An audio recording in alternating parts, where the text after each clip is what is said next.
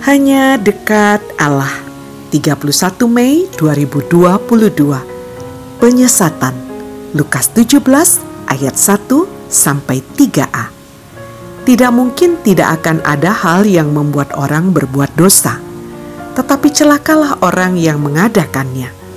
Lebih baik baginya jika sebuah batu giling diikatkan pada lehernya, lalu ia dilemparkan ke dalam laut daripada menyebabkan salah satu dari orang-orang yang kecil ini berbuat dosa. Jagalah dirimu. Demikianlah nasihat Yesus kepada para muridnya. Manusia cenderung berbuat dosa. Seorang yang berbuat dosa biasanya mengajak orang lain. Bisa jadi karena dia ingin dianggap benar atau enggan menanggung hukuman itu sendirian. Dan inilah yang dimaksud Yesus dengan penyesatan.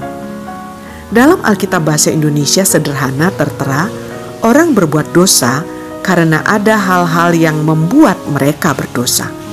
Dan hal-hal seperti itu pasti akan selalu ada. Tetapi celakalah orang yang menyebabkan hal-hal itu terjadi.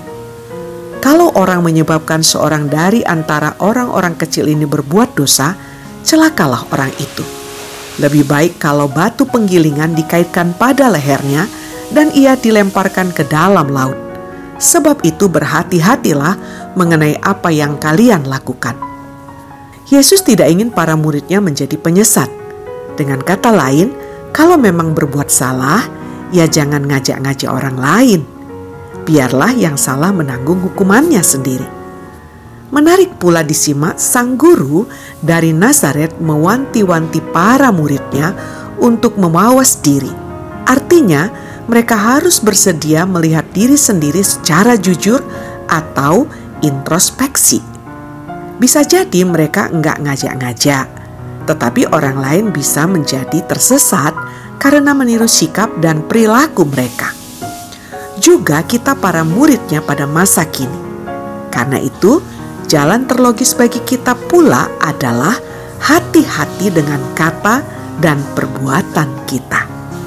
Salam semangat dari kami, literatur perkantas nasional. Sahabat Anda bertumbuh.